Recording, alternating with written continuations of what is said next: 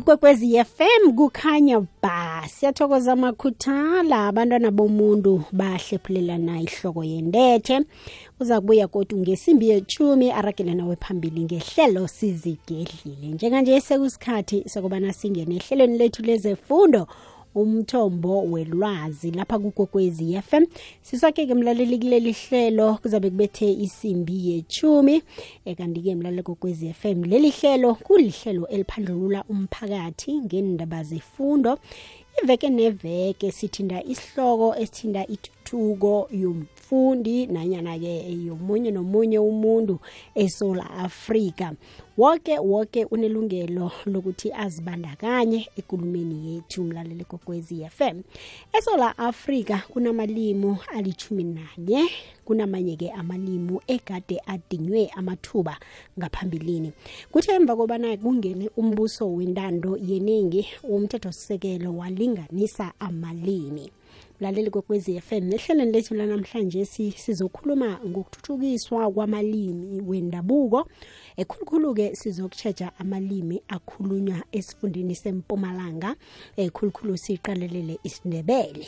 Eh siyakhumbula-ke bona umhla ka-21 kumhlolanja 2023 bekulilanga lapho kugidingwa khona-ke ilanga leyintjhabatshaba lelimi lebele. Bizo lami ngingu-tk induli unamgwezani. Ihlelo lethu lihleleke kuhle khulu kwamambala mlaleli umvezi walo ngupatrick gabini kanemtatweni isithekeli sethu ngumma unamgogo mahlangu. Yena-ke umyelelisi wezefundo eh, isifundo sesindebele esifundeni sempumalanga ngaphasi kwenkangala district. Ma unamgongo ngiyakwamukela ngiyakulotshisa emhashweni kokwez FM ngiyathokoza TK sithokoza khulu kwamambala eh namgogo. Ukuthatha leli thuba uzoba nathi ehlelweni lezefundo umthombo welwazi. Namhlanje si sikhuluma ngokuthuthukiswa kwamalimi wendabuko. Akhe usihlathululele bona nasikhuluma ngokuthuthukiswa kwelimi. Vane sisho ukuthini?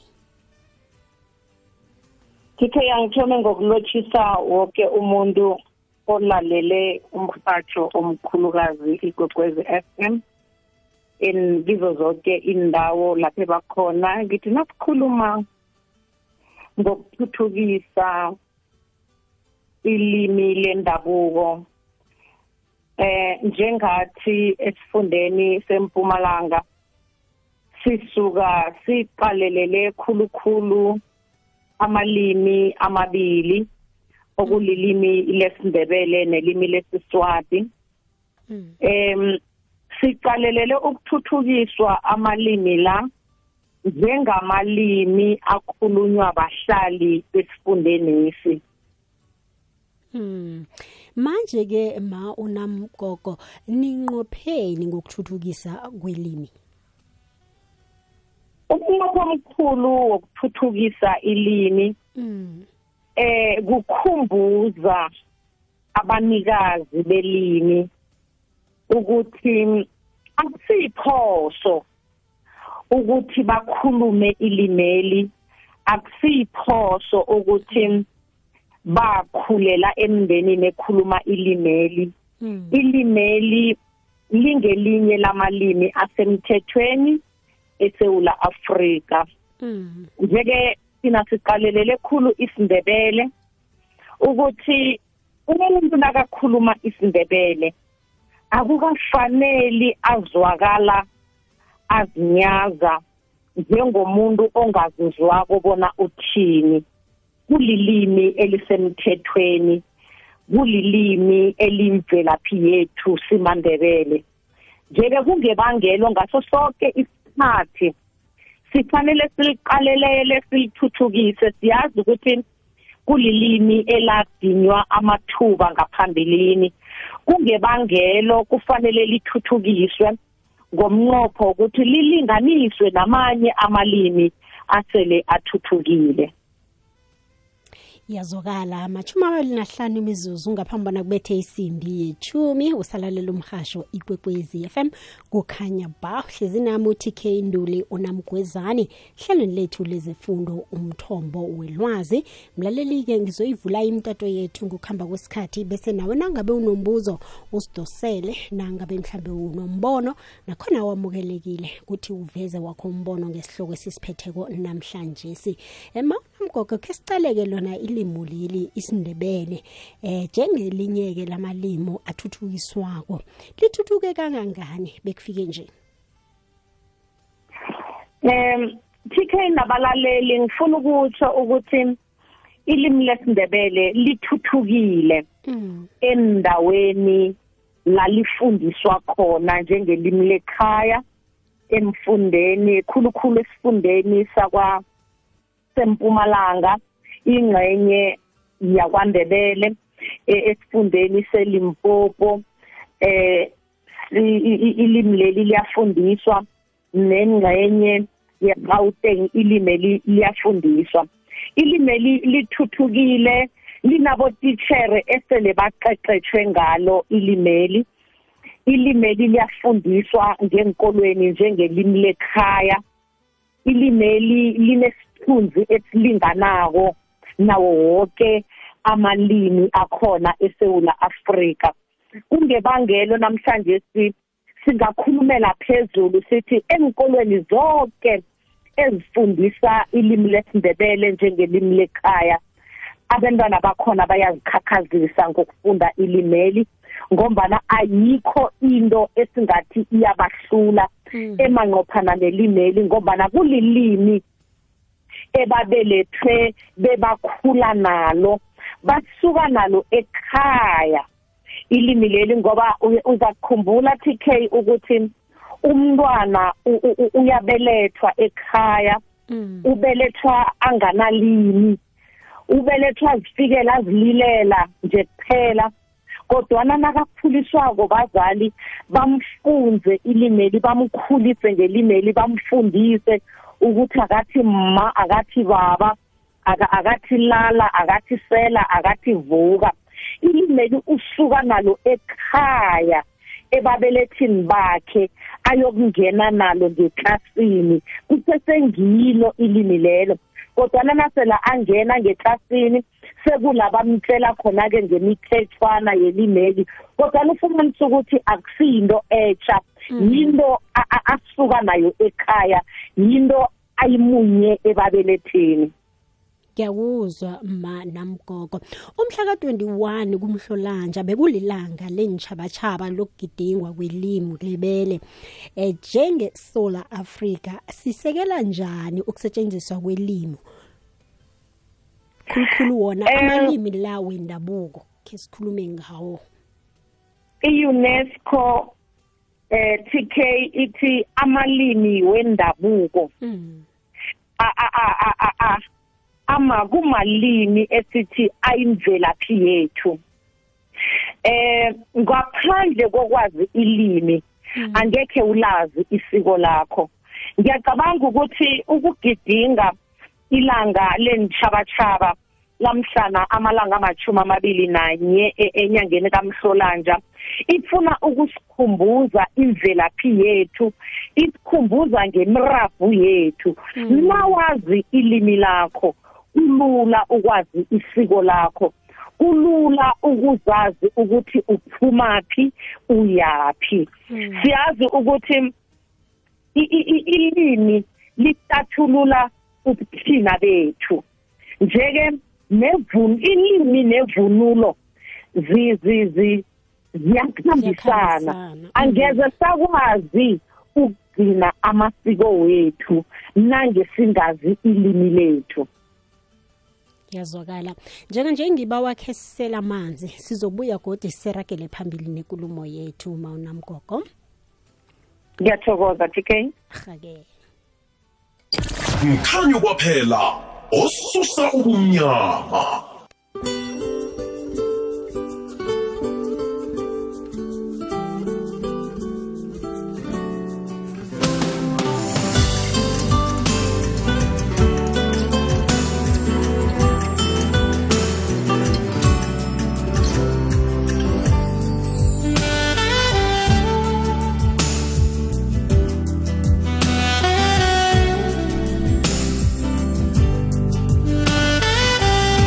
sirakela phambili nehlelo lezefundo umthombo welwazi. Nosanda ukuvulela umhasho siyakwamukela. Siyakulotshisa mlaleli kokwezi FM hlezi nami uTK Nduli unamgwezani. Kanti ehlelweni lethu la namhlanje sikhuluma ngokuthuthukiswa kwamalimi wendabuko. Eh khulukhulu ke sijeje amalimi akhulunywa esifundeni sempumalanga. Siyicalelele khulu ilimo isindebele. Siyakhumbula bona ke umhla ka21 kumhlolanja ku2023 mlaleli bekulilanga lapho kugidingwa khona ilanga lentshabatshaba lelimi lebele. Namhlanje sisimeme isithekeli sethu uma unamgogo mahlangu omyelelisi wesifundo sesindebele esifundeni sempumalanga ngaphasi kwekangala district. Nguyeke mlaleli kokwezi FM osipha ihlathululo ezeleko ngesihloko sethu sanamhlanje si. Siyakumema ke nawe njenganje mlaleli kokwezi FM ungathoma ke usidosele umtato enomborweni ethi 0860003278 khulumisane nathi ube nombono nanyana umbuzo ukhumbule godu uyakhona ukuthindana nathi nge-whatsapp. Ugadangise iphimbo enomborweni ethi 0794132172 ngiyinomboro yethu-ke leyo umlaleli kwekwezi FM ye-whatsapp yenza isiqinisekiso sokuthi ugadangisa iphimbo lakho. Sirakela phambili-ke njalo naye uma unamgogo asasipha ihlathululo ngokuqakatheka kwamalimi wendabuko. Asiragele phambili-ke mawunamgogo ngithokoza khulu kwamambala ukusibambela. Akhe sicaleke bona amalimi wendabuko la asetshenziswa njani ngemaklasini ingabe asetshenziswa ngendlela efaneleko na? TK amalimi wendabuko angikhulume ngesindebele. Mm.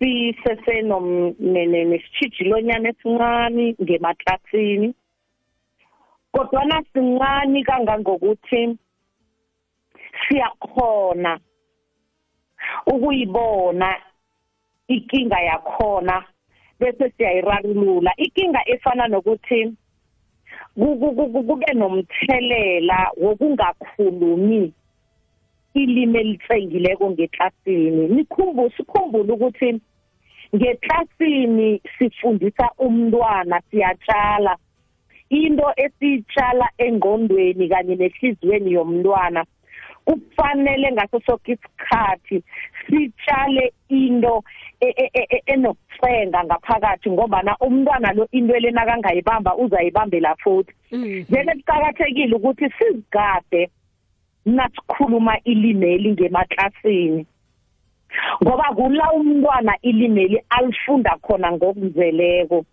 kula umntwana ilimi leli azokuthi nakaqeda ukulifunda abaphumele nalo ngaphandle kwezinye inchaba ayo ayo ayolibonakalisa lapho. Njeke ngiyabawa eh kubalingani bami ngendawo ngokuhlukahlukana ngemaklasini ngaso sonke isikhathi asingavundli asifundiseni isindebele esitsengileko ukuze abantwana labana baphuma ngeklasini baphume balazi ilimeli. Kodwa ngibuye ngibawe nababelethi ekhaya ukuthi ngeklasini siyazaliselela sizaliselela ifundiso kanye nefundo ephome ekhaya. Ekhaya akukhulunywe isindebele samambala. Ekhaya akungavangwa isindebele namanye amalimi.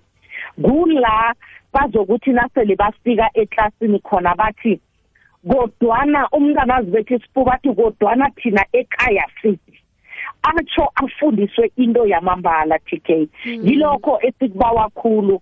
Em kodwana nangoba ngitshila ukuthi kuzintshijilonyana esihlangabezana nazo kodwana ngebanga lokuthi ngeklasini abalingani bami bambetha amabhutsu abaka abaka abakathabalala abakahlali siyalinga ukubanqophisa ukuthi nabaphumako baphume baphethe ilimi elitsengileko baphume baphumelele ngamalengiso. Silinga ngaso sonke isikhathi TK Mhm. Usasho njalo ukuthi niyalinga mawunamgogo. Kaningi ke vane kube nomhlahlandlela bona ke izinto kumele zenziwe njani. Ingabe mhlambe ukhona umthetho obeka ikambiso yokubana amalimi wendabuko la kumele asetshenziswe njani ngeklasini okuyokuletha mhlambe itutuko yawo amalimi la. TK kunomthetho ikunemithetho kambiso elawula wonke amalimi. Mm. kufaka hlangana nesindebele. Sinemithetho kambiso evela e- e- e-national evela eprovincini sinemithetho kambiso evela kuma district kodwa ngaphezulu kwayo yonke lesele ngibalile kunomthetho kambiso okhutshwa ngaphakathi komthetho sisekelo otshoko ukuthi ngeklasini umntwana unelungelo kangangani lokubana afundiswe ngelimi lakhe? Ngilokho okusenza ukuthi sizikhakhazise ngawo wonke emalanga ukuthi kufaka hlangana naso isindebele. Eh abafundi bethu banelungelo lokufunda ilimi elingeklasini kufana nawo wonke amalimi. Imithetho kambise elawula wonke amalimi aselathuthukile. Naso isindebele silawulwa ngaphasi kwalawo malimi lawo. Njeke engingakutsho TK ukuthi yonke imithetho kambiso yamalimi ngenkolweni ikhona iyasetshenziswa nanyana kusese nobuchaphanyana obuncane TK obuthi kusabonakala endaweni eziningi ezizombeleze emphakathi omandebele. Bangakazwisisi kuhle ukuthi kuba yini abantwana babo bafanele bafundiswe isindebele ngemaklasini Yazwakala njenge imizuzu ilithumi nambili ngaphambi bona kubethe isimbi yechumi ngesimbi yechumi siyalisonga ihlelo lethu mlaleli kokwezi FM khona umindlo love uzoragela phambili nehlelo sizigedlile. Ngiyayivula ke njenganje ke imtato ku 0860003278 wamukelekile mlaleli kokwezi FM ungathoma njenganje ke usidosele nangabe unombuzo nanyana umbono ngayo indaba esiyiphethe kule namhlanje sila. Sithinda khona ke indaba yelimi. Khumbuleke na ku WhatsApp uyakhona bona ugadangise iphimbo lakho bese ke mlaleli kokwezi FM ukwazi ukuphenduleka. Sikhambisana ke noma unamgogo. Ma unamgogo akhe sizwe nje ke abalaleli bethu ngapha ku WhatsApp ukuthi ke ithini imibuzo yabo. Emva kwalokho ke siza kuragela phambili nokuyiphendula nje ngokulandelana kwayo. Okay njenganje imzuzu ilithumi nowodwa ngaphambi bona kubethe isimbi yechumi kugokwezi FM kukhanya ba. Ithi ngitsheje khulu-ke la ku-whatsapp kuthi-ke kuthiwani ithakana nayo alright akwande sesitk eh ngulindiwe emahlelbek edoronko.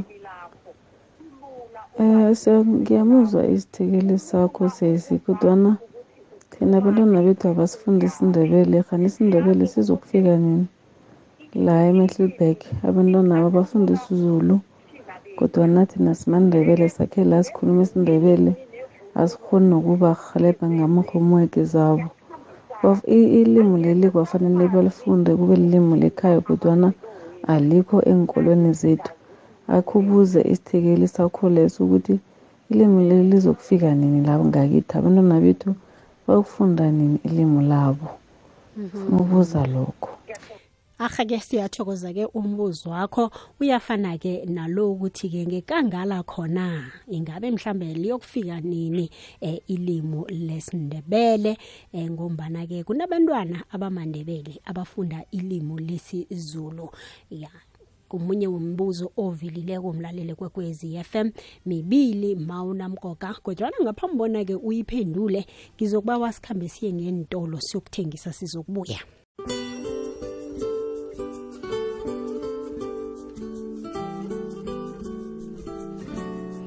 Ibonane kwaphela imizuzu eseleko ngaphambi bona kubethe isimbi yechumi usalalela umhasho ikwekwezi fm kukhanya ba lihlelo umthombo welwazi khamba nami uTK Nduli. Unamgwezani? Sithekele sethu emtatweni nguma unamgogo.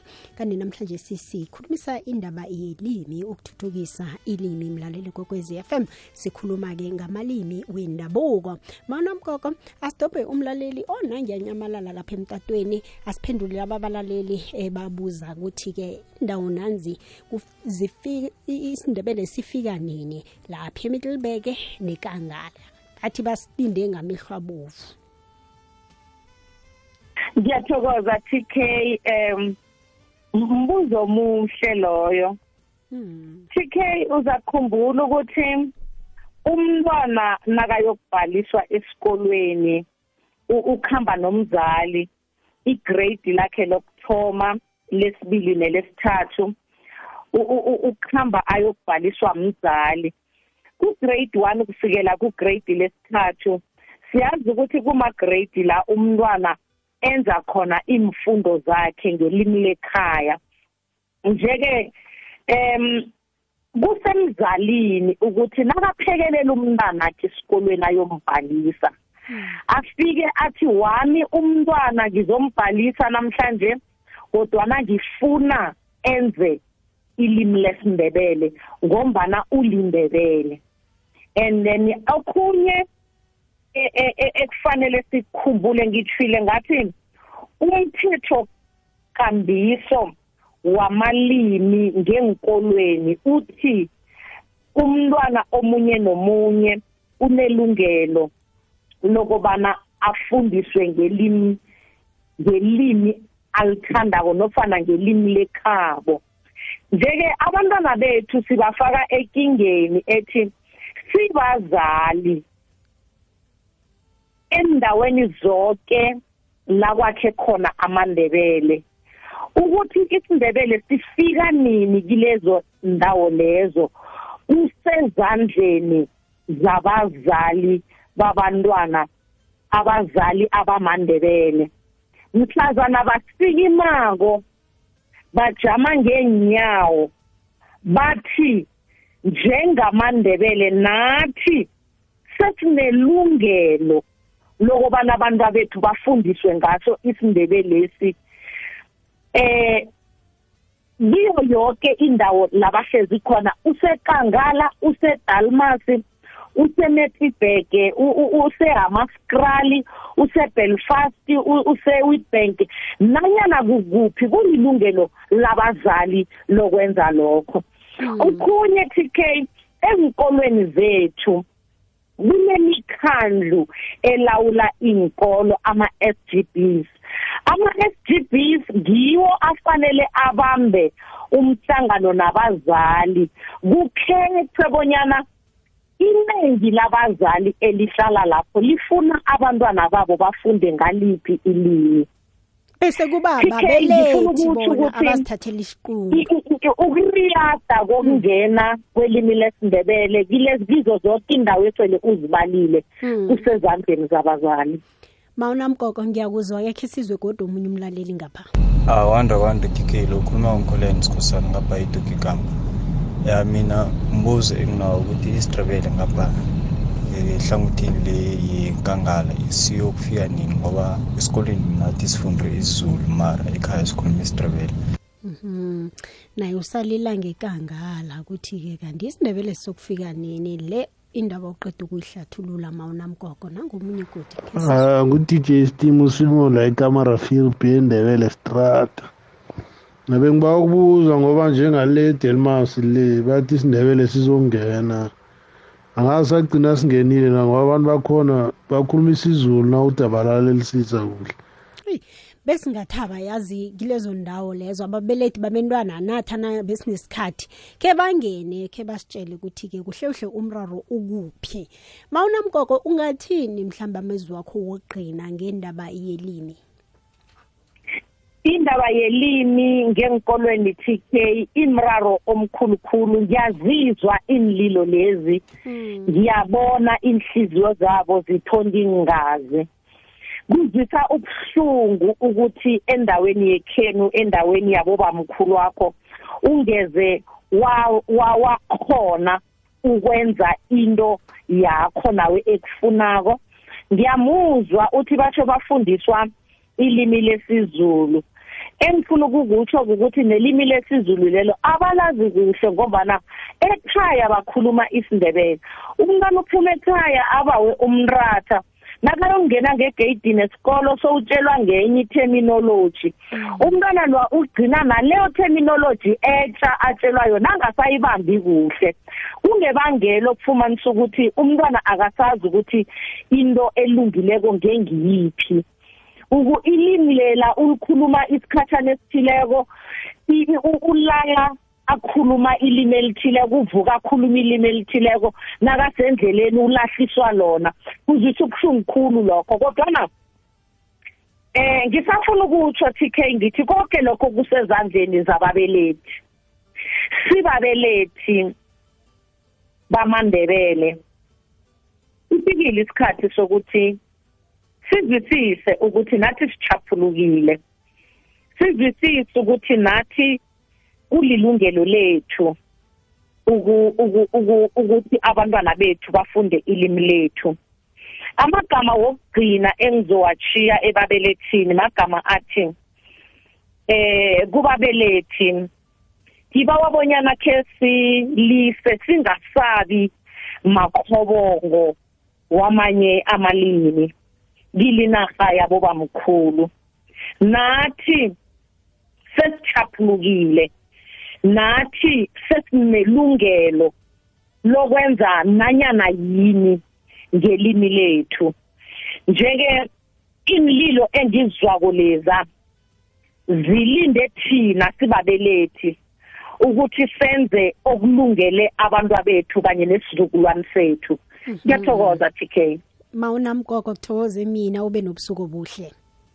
Ngiyathokoza. Ahake mlalele kokwezi FM ngumala unamgogo mahlangu omyelelisi wesifundo sesindebele esifundeni semalanga ngaphasi kwekangala district.